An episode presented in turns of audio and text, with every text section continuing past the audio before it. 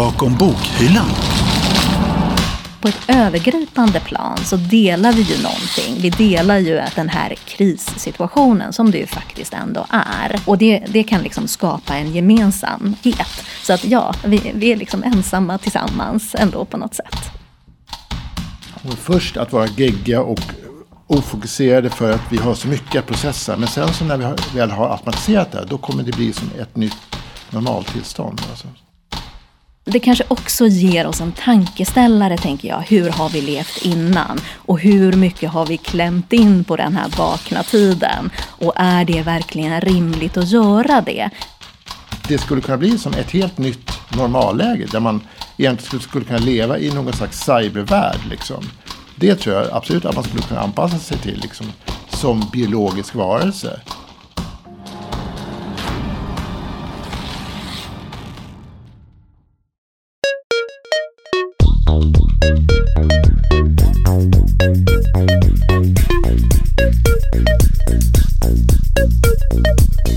Ja, när det här avsnittet släpps har vi levt med restriktioner kopplade till coronapandemin i snart 15 månader. Något som inneburit isolering och få möten med andra människor än de man bor med, för i princip alla. Och för oss som haft möjligheten har det inneburit att väldigt mycket har skett digitalt. Studier, jobb och kanske privata tillställningar har fått flytta ut från de faktiska rummen in i de digitala. När vi nu eventuellt, förhoppningsvis, börjar se ljuset i tunneln i form av vaccinationer på bred front, en sommar i antågande och sjunkande smittotal, kan det vara dags att börja förbereda sig på en ny normalitet. Något som förmodligen inte kommer vara precis som före coronapandemin, men som kanske liknar den verklighet vi befann oss i innan mars 2020 lite grann.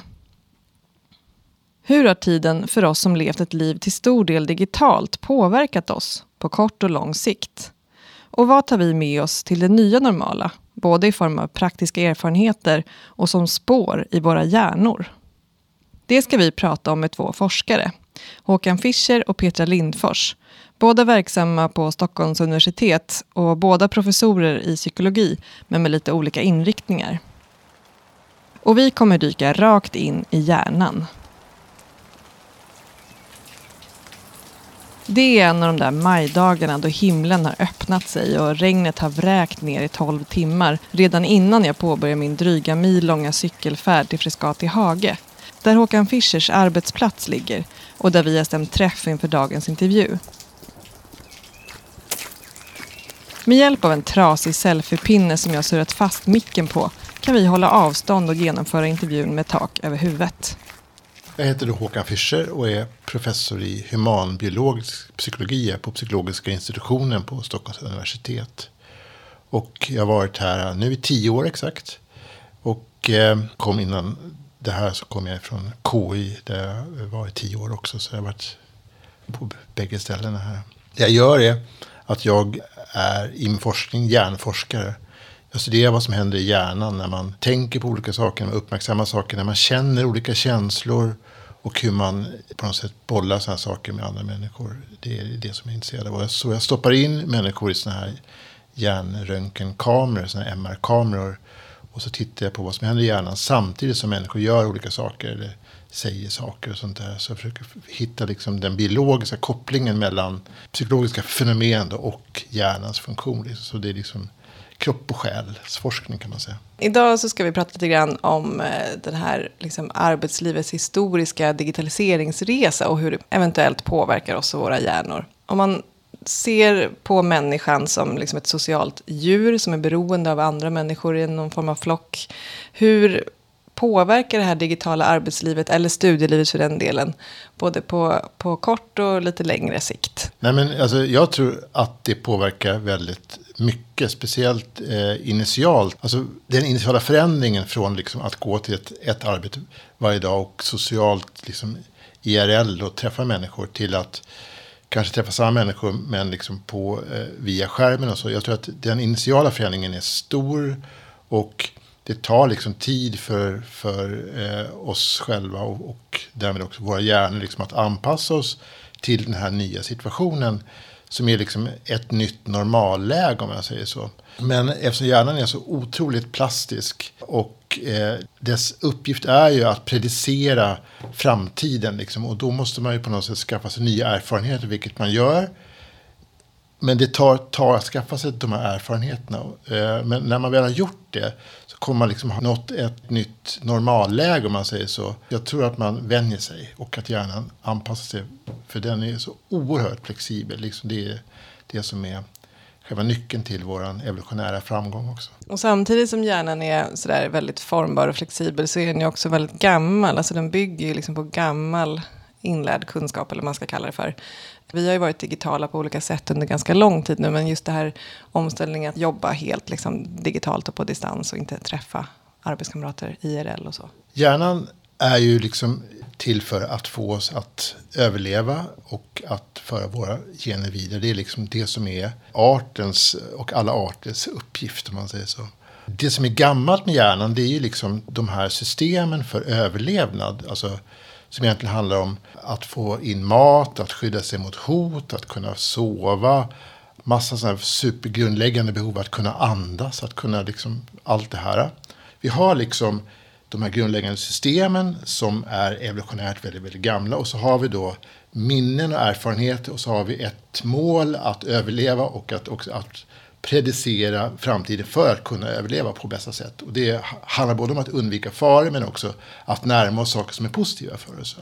Så det är liksom själva grundförutsättningen. Så att i en digitaliserad ny värld så ska alla de här grundläggande behoven också uppfyllas. Men erfarenheterna har vi ju inte initialt, vilket gör att vi, vi måste skaffa oss dem. Men när vi väl har gjort det så kommer vi kunna predicera framtiden utifrån den här nya högre kunskapsnivån. Så vi är otroligt duktiga på att vara flexibla, liksom de flesta andra arter också är givetvis. Men just det här med att vi, vi är, är ofta snabbare i det här än vad de flesta andra arter är. Kan jag, säga. jag skulle kunna tänka mig liksom att ju mer man håller på, ju mer automatiserat blir det här och ju mer kommer man liksom inte på något sätt att tänka på det här som att det är en speciell situation, utan det är den nya situationen. Och sen kommer man utifrån den nya situationen kunna göra ytterligare andra saker. Men det här digitala kommer bli liksom, i så fall, om det fortsätter, det normala. Och sen så gör man andra saker utöver det. Liksom. Det kanske blir, blir tvärtom, att man på något sätt, det här digitala blir det normala och sen så ibland undantagsvis och så liksom gör man andra saker, till exempel träffa folk och sånt där. Nu hoppas jag inte det va. Men liksom det, det, skulle kunna bli som ett helt nytt normalläge där man egentligen skulle, skulle kunna leva i någon slags cybervärld liksom. Det tror jag absolut att man skulle kunna anpassa sig till liksom, som biologisk varelse. Och sen ibland gör man inte det, precis tvärtom mot nu då. Men där är vi inte än. Men eh, jag tror absolut att eh, vi har den potentialen att förändra oss på det sättet.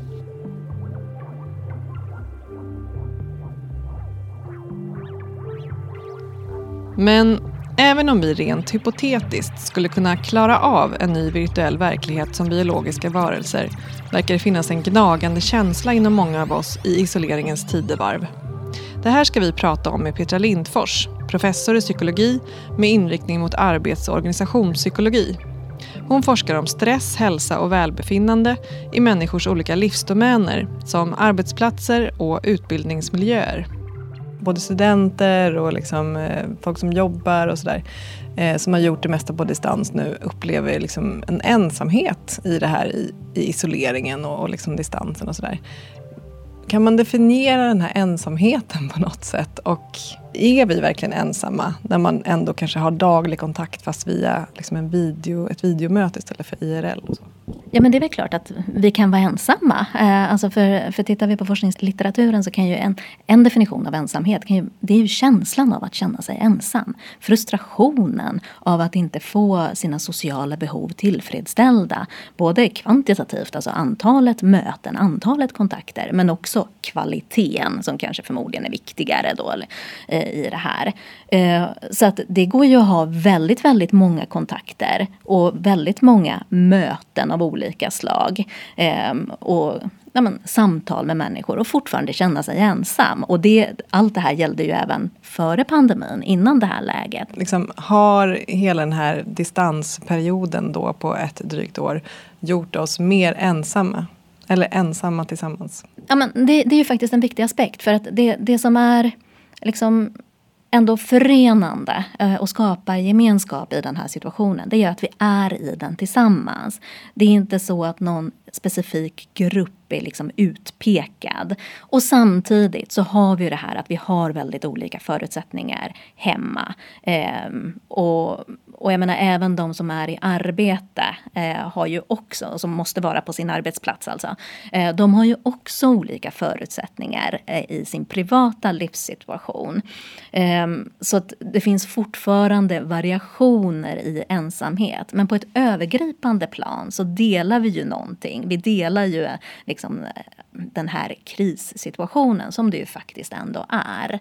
Eh, och det, det kan liksom skapa en gemensamhet. Eh, Så att ja, vi, vi är liksom ensamma tillsammans ändå på något sätt. Petra Lindfors har forskat specifikt om distansarbete och hennes avhandling, som förvisso gjordes 2002, långt före coronapandemin, handlade om stress, hälsa och välbefinnande kopplat till distansarbete. Vad finns det för liksom positiva aspekter som du har upptäckt i din forskning eh, om distansarbete generellt? Ja, om, om jag tänker på avhandlingen så tänker jag också på den forskningslitteratur som, som är av mer modernt eh, datum. Liksom. Eh, så finns det de här positiva aspekterna att, att faktiskt öka flexibiliteten. Att ha möjlighet att styra sin arbetsdag betydligt mer.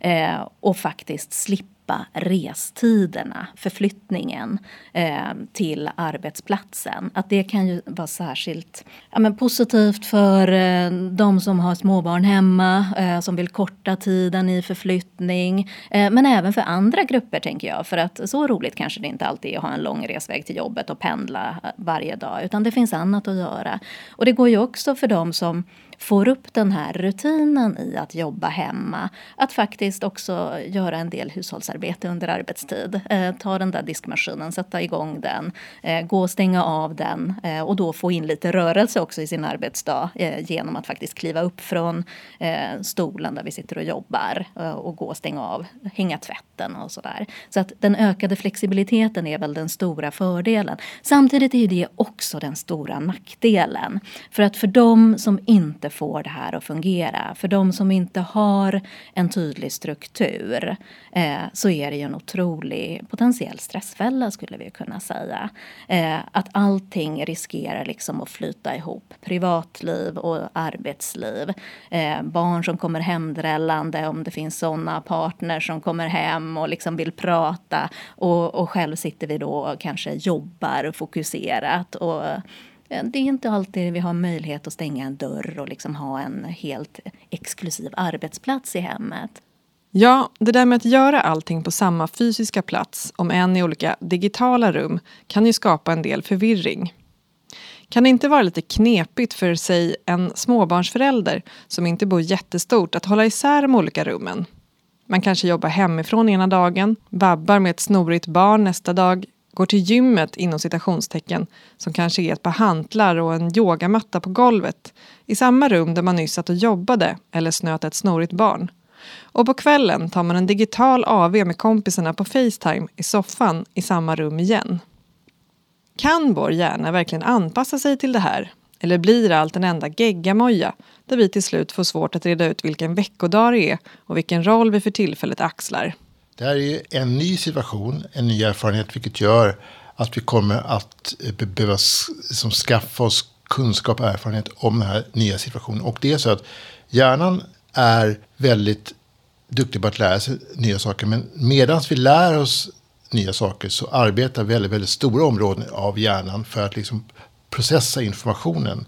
Men sen när vi har lärt oss någonting, alltså ju mer automatiserat någonting blir, det vill säga när vi börjar vänja oss vid vardagen, ju mindre delar av hjärnan kommer liksom att upptas av den här aktiviteten. Precis som när man lär sig köra bil. Fokus är ju först bara på ratten. På något sätt. Man, man tittar på ratten och man har ingen koll där ute. Liksom. Och sen så kollar man där ute och då, då kan man inte köra för man har inte koll på ratten. Och sen så, över så automatiseras det här. Och det är precis likadant här, tänker jag då. Vi kommer först att vara gegga och ofokuserade för att vi har så mycket att processa. Men sen så när vi har, väl har automatiserat det, då kommer det bli som ett nytt normaltillstånd. Alltså. Det finns liksom ingenting i eh, människans liksom, biologiska natur som säger att vi behöver träffas IRL. Alltså, man kan ju träffas liksom, digitalt. Mm. Men är det samma sak? Man träffas här liksom, face to face, att man, man hör tonlägen, man ser minspel på ett annat sätt. Man får så mycket andra liksom, synintryck och andra intryck liksom, med sig.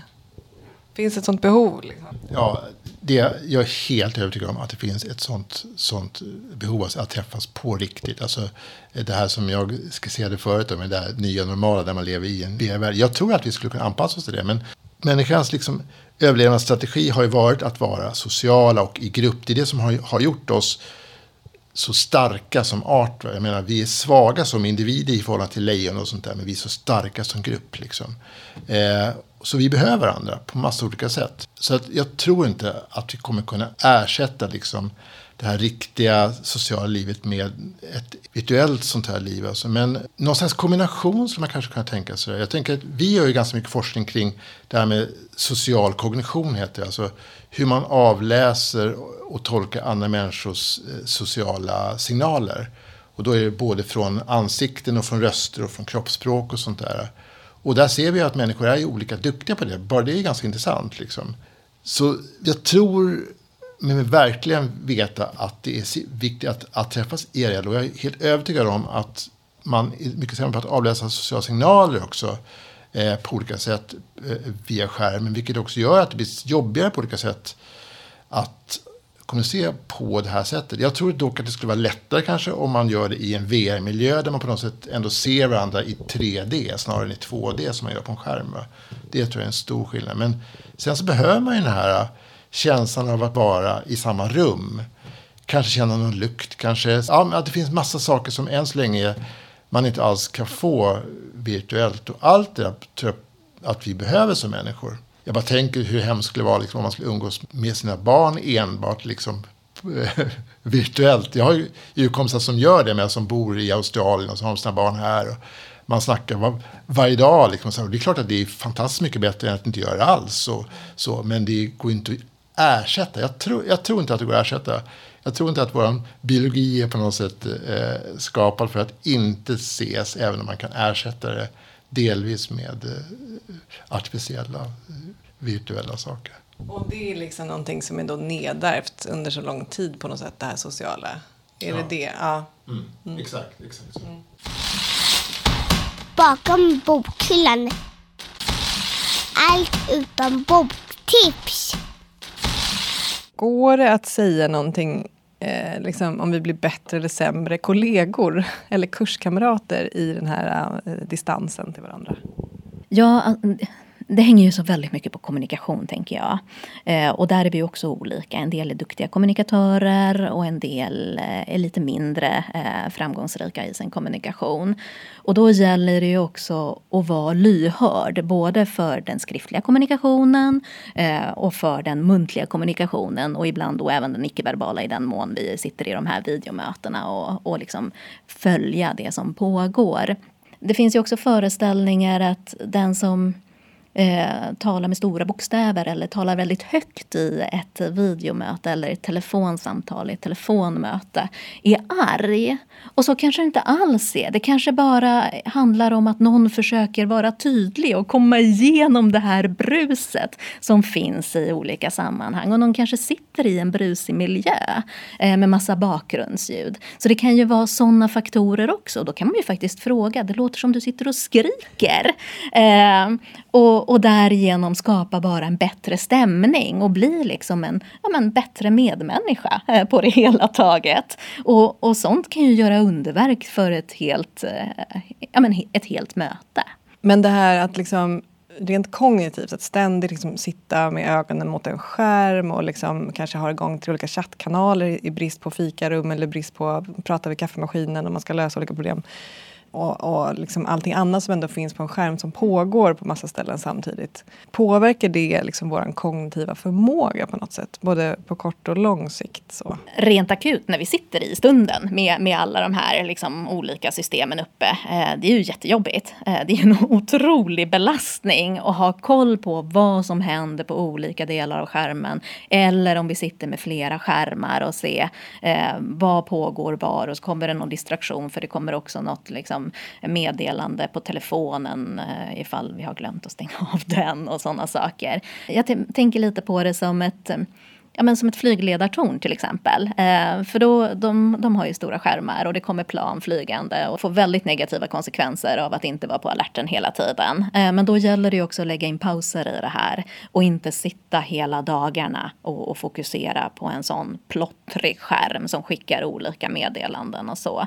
För det, det blir ju utmattande både i stunden och om vi då inte har en tillräcklig återhämtning både ja, men under arbetsdagen men framförallt efter.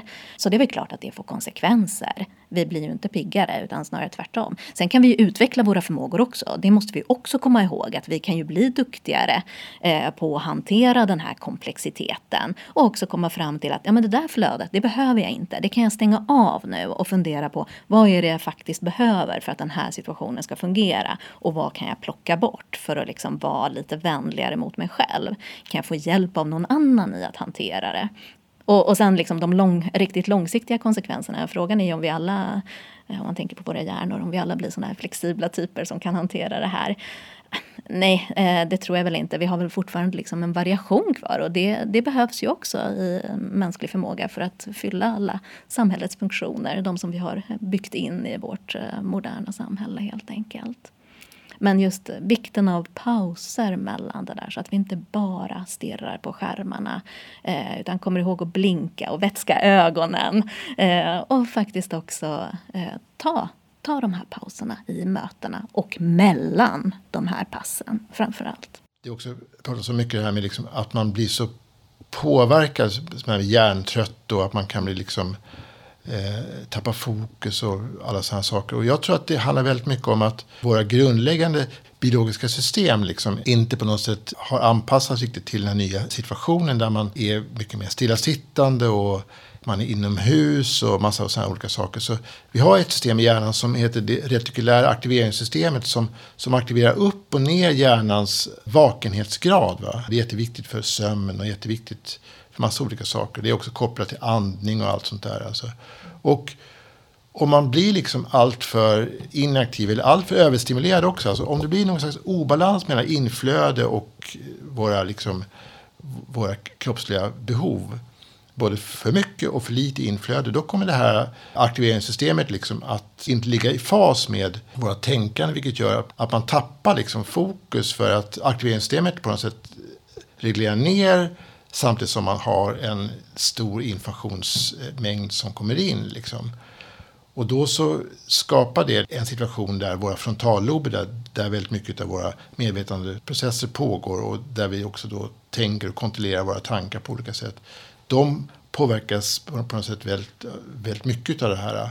Eh, och det gör att man måste tänka på liksom då att, att försöka hålla den här kroppsbalansen intakt. Det vill säga att man håller sig fysiskt igång, att man har nog med ljus, att man äter rätt, att man tränar, att man gör sådana saker. För gör man det, då har man på något sätt försäkrat sig om att ha maximalt utrymme för kognitiv processande. Men om man börjar tappa någonstans där, då tappar man också liksom det kognitiva medvetandeprocessandet. Så det är jätteviktigt. Så att det är extra viktigt nu att man verkligen tänker på liksom att man äter bra, man man sover bra, man tränar, man, man träffar människor. Att man gör de här sakerna. För det är en grundförutsättning för att man sedan ska kunna fungera kognitivt och orka liksom med de, de här situationerna.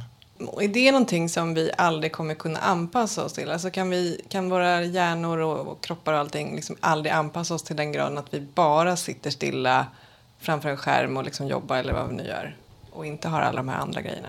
Alltså sömn såklart, men jag mm. tänker eh, socialt och kropp, alltså fysiskt. Jag tror inte, och tror gör man egentligen bara i kyrkan, men, men jag tror inte att kroppen kan anpassa sig så, så mycket så att man inte behöver uppfylla de här grundläggande behoven av rörelse och mat och allt det här. Värme och social närhet och allt det där. Har vi inte dem så är det svårt att må bra. Är man hungrig och inte har sovit och så vidare inte har socialt umgänge så är det svårt att på något sätt må bra. Jag menar, det är inte så konstigt, men så tänker jag och så, så, så tänker jag också att hjärnan fungerar. Även om vår hjärna är väldigt anpassningsbar har den alltså begränsningar i hur mycket den kan anpassa sig. Men de anpassningar som redan gjorts under den här perioden, när vi har varit mer isolerade än vanligt, kommer de att följa med oss in i det nya normala sen? Jag som innan pandemin jämt och ständigt hade en fullklottrad kalender, både på jobbet och i privatlivet, med familjeliv, träning, aktiviteter, resor och ett rikt socialt liv, har verkligen fått ändra hela min livshållning under den här perioden. Och att komma tillbaka efter nästan ett års föräldraledighet mitt i pandemin har gjort det väldigt tydligt hur den här bubblan har påverkat mig. Att cykla till och från jobbet genom hela stan och sen på distans hälsa på kanske fyra kollegor på en hel dag gjorde mig i början helt matt av intryck. Kommer det här att följa med mig även fortsättningsvis? Eller kommer min hjärna så småningom att vänja sig tillbaka till det gamla livet som ständigt var fullt av möten med tredimensionella människor och nya intryck? Hjärnan är oerhört anpassningsbar. Alltså, vi har precis gjort en studie som vi publicerade för ett halvår sedan där vi såg att om människan tittar på bilder så, så kan vi mäta en, en förändring i hjärnbarkens tjocklek. Alltså efter bara en minuts tittande på de här bilderna. Alltså så plastiska hjärnan. Och sen såg vi också att efter ytterligare två minuter när man inte tittade på bilderna. Då har hjärnan gått tillbaka. Så det är som att enorm potential där. Va?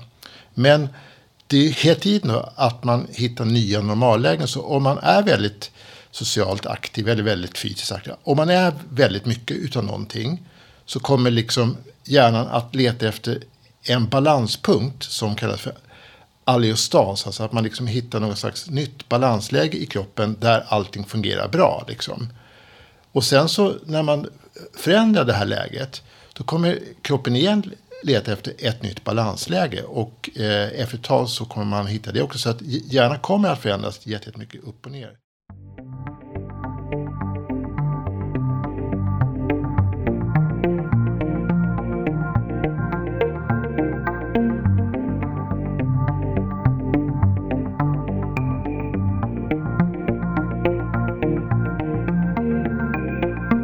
Det här säger väl någonting också om anpassning.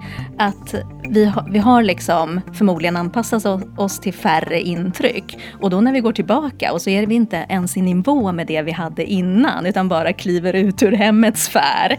Eh, så blir det, men oj, det finns människor, det, det händer andra saker. Eh, och vi behöver förhålla oss till det igen. Men det kanske också ger oss en tankeställare, tänker jag. Hur har vi levt innan? Och hur mycket har vi klämt in på den här vakna tiden? Och är det verkligen rimligt att göra det? Så jag tänker att det här det här tillståndet, om vi nu kallar det för det, och innan det nu återgår till det nya normala, hur det nu blir, så kanske det finns skäl att reflektera. Vad har fungerat? Vad har varit bra? Det kanske var skönt med en lugnare period.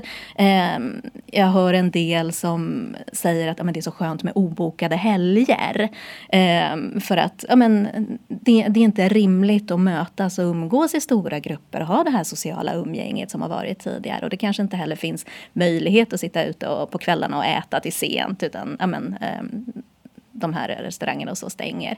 Ehm, och, och då, då kanske det ger skäl till reflektion. Ja, men jag kanske ska ta det lite lugnare. Eh, det kanske inte är vettigt att springa på liksom i 120 hela tiden. Så att någonstans, jag menar vi har, vi har gått från kanske lite av en extrem situation på någon slags samhällsnivå eh, till en annan väldigt lugn situation och väldigt stilla. Eh, som förmodligen inte är hälsofrämjande överhuvudtaget på sikt. Liksom, med tanke på att många också har minskat fysisk aktivitet vad det verkar som.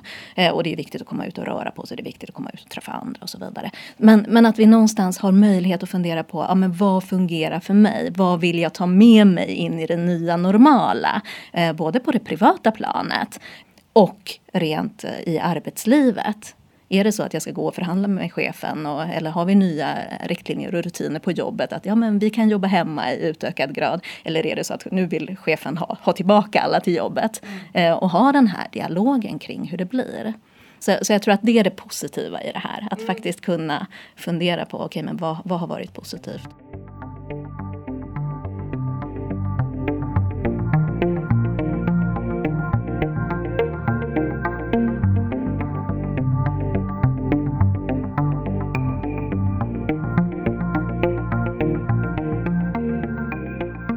Hjärnan kommer aldrig vara likadan efter det här som den var före. Och det är ju likadant som att hjärnan kommer inte vara likadan hos varken dig eller mig efter den här intervjun som före intervjun. För att allting som vi erfar kommer att på något sätt påverka oss eh, och vår hjärna. Och det är något positivt. Men det kan ju också vara negativt om man har negativa erfarenheter. Men hjärnan kommer aldrig att vara detsamma någonsin under människans liv.